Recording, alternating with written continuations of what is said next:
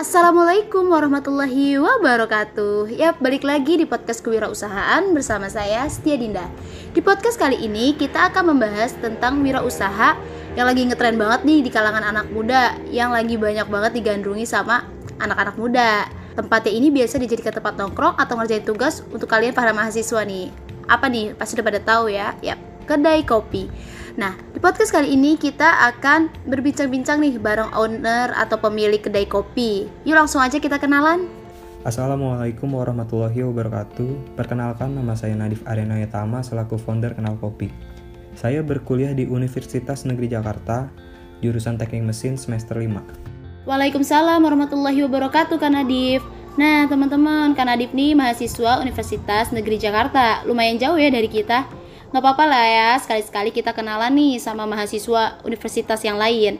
Oh ya Kak Nadif. Apa sih usaha yang sedang Kak Nadif rintis kali ini dan sejak kapan Kak Nadif memulai usaha ini? Bidang usaha jasa makanan dan minuman yang berjenis kedai kopi. Sejak 21 April 2019 seperti yang udah kita ketahui tadi bahwa kita akan berbincang-bincang dengan pemilik kopi yaitu Kak Nadif selaku owner Kenal Kopi. Berarti uh, kedai kopi ini sudah berjalan sekitar setahun lebih ya Kak. Nah apa sih Kak yang melatar belakangi Kakak untuk memulai usaha Kenal Kopi ini? Awal mula saya tertarik untuk usaha kedai kopi adalah ketika SMA saya sering nongkrong ataupun nugas di kedai kopi. Karena suasana kedai kopi yang sangat mendukung untuk ngobrol dengan teman-teman, dan ditemani secangkir kopi ataupun untuk nugas sendirian tergantung dari tempat duduk yang saya tempati. Saya tertarik terhadap cita rasa kopi yang ternyata sangat beragam. Setelah itu, saya ingin banyak tahu tentang kopi mulai dari hulu hingga hilirnya. Dan mulai dari situ, usaha kedai kopi saya masukkan ke dalam list cita-cita kecil saya. Untuk mewujudkannya, mulailah saya kerja part-time pada saat kelas 3 SMA semester akhir untuk mengisi waktu luang menunggu pengumuman kelulusan perguruan tinggi. Dan job saya ketika part-time adalah menjadi waiters di salah satu coffee shop yang ada di Jakarta Selatan. Seiring berjalannya waktu menjadi waiters, saya sambil belajar dengan head barista atau sering disebut sebagai kepala penyaji kopi di coffee shop tersebut. Dari situlah saya mulai banyak belajar tentang industri kopi. Wah menarik banget nih teman-teman, hobi yang dijadikan bisnis. Pasti ngejalaninnya lebih enjoy. Nah, tapi walaupun kayak gitu, pasti ada dong kak tantangan dalam membangun uh, kedai kopi ini. Dan gimana sih cara kakak menghadapi tantangan tersebut? Tantangan ketika memulai usaha ini adalah pengumpulan modal dan ketika saya membuka usaha kedai kopi ini di garasi rumah yang bersinggungan dengan tetangga.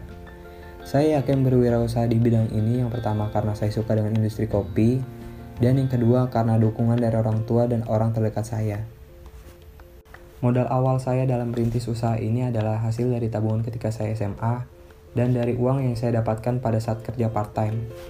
Wah luar biasa banget ya teman-teman karena Adif ini benar-benar yang tadinya hanya hobi meminum kopi hingga bekerja menjadi waiter di kedai kopi dan mengumpulkan uangnya untuk membangun kedai kopinya sendiri. Benar-benar nih proses dari awal sampai menjadi pemilik kedai kopi. Patut banget dicontoh buat teman-teman yang memiliki hobi bisa banget juga dijadiin bisnisnya. Nah, karena Adif pasti ada dong target pemasaran di Kenal Kopi ini. Apa sih Kak targetnya dan bagaimana strategi uh, pemasaran untuk mencapai target tersebut? Target utama pemasaran saya adalah kalangan anak muda usia 17 sampai dengan 23 tahun. Selebihnya, harga produk Kenal Kopi sangatlah terjangkau untuk semua kalangan yaitu mulai dari harga Rp7.000 sampai dengan yang paling mahal adalah Rp20.000. Untuk strategi pemasaran, dari segi harga saya menjual produk dengan rentan harga mulai dari 7.000 sampai dengan 20.000 rupiah, sehingga sangat cocok untuk kantong pelajar. Lalu dari segi dekorasi tempat, saya membuat suasana natural dan segar dipandang mata karena banyaknya tanaman yang berwarna hijau sebagai dekorasi kedai kenal kopi, dan membuat suasana yang nyaman layaknya di rumah sendiri. Lalu untuk pemasaran produk secara online, saya memasarkannya lewat Instagram dan GoFood Partner dan untuk pemasaran produk secara langsung adalah lewat mulut ke mulut dari pelanggan atau teman yang suka dengan produk dari Kenal Kopi. Lalu dari segi pelayanan, saya memberikan pelayanan kepada pelanggan seperti pendekatan layaknya teman baru. Biasanya jika ada pelanggan baru pasti saya ajak ngobrol tentang rasa kopi yang saya sajikan atau hal lainnya yang membuat pelanggan yang datang akhirnya kenal dengan saya dan akhirnya bisa menjadi pelanggan reguler kenal kopi. Untuk kendala sendiri nih Kak, apa sih yang paling dirasakan selama menjalani kedai kopi milik Kakak nih? Dan bagaimana cara Kakak menghadapi atau menyelesaikan kendala tersebut? Kendala penjualan sebelum pandemi yaitu karena kedai kenal kopi berada di dalam gang, sehingga kurang terlihat oleh orang yang lewat dari jalan utama, dan juga karena tempatnya bersinggungan dengan tetangga ketika kedai sedang ramai, menimbulkan suara yang bising sehingga beberapa kali saya ditegur oleh tetangga. Kendala penjualan pada saat pandemik yang paling saya rasakan adalah pada saat ketika 3 bulan PSBB, kedai kenal kopi pun tutup untuk dine-in selama 3 bulan tersebut. Untuk mengatasi kendala karena kurang terlihatnya kedai kenal kopi dari jalan utama, saya memasang pelang dan lampu LED bentuk kaktus untuk menarik orang yang melihat ke arah dalam gang. Dan untuk menangani masalah teguran dari tetangga, saya melakukan negosiasi mencari solusi baiknya ketika kedai sedang ramai. Dan untuk mengatasi kendala pada saat pandemik, karena selama 3 bulan PSBB, kanal kopi tutup untuk dine-in. Jadi saya melakukan penjualan melalui online, yaitu lewat GoFood atau pesan langsung lewat DM Instagram Kenal Kopi dengan memberikan promosi minimal pemesanan dua produk kopi yaitu akan mendapatkan gratis ongkir maksimal jarak 3 km dan juga melakukan inovasi menjual produk kemasan botol 1 liter untuk dikonsumsi keluarga ataupun kerabat selama di rumah saja.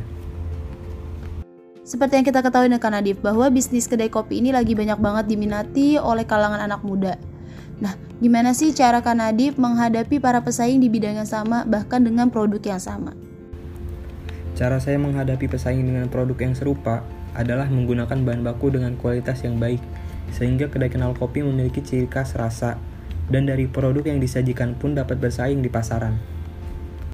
Setuju banget nih dengan Kak Nadif. Saya selaku pecinta kopi, menurut saya ciri khas rasa kopi itu sangat penting.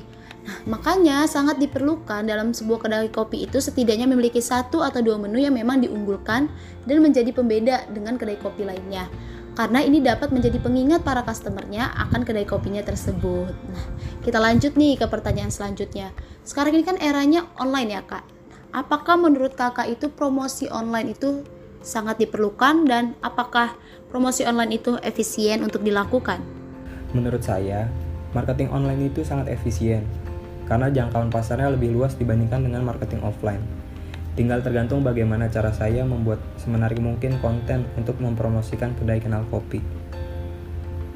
Sekarang kita bahas tentang customer ya Kak Nadif. Kepuasan customer tentu menjadi hal yang paling utama. Dari Kak Nadif sendiri nih, bagaimana cara mengukur kepuasan customer dan ada nggak sih respon dari customer kenal kopi itu sendiri? Cara saya mengukur kepuasan customer lewat pendekatan melalui obrolan mengenai produk yang saya sajikan dengan mendengarkan keluhan dan saran secara langsung. Selama ini respon customer cukup baik terhadap produk dan pelayanan yang diberikan kenal kopi.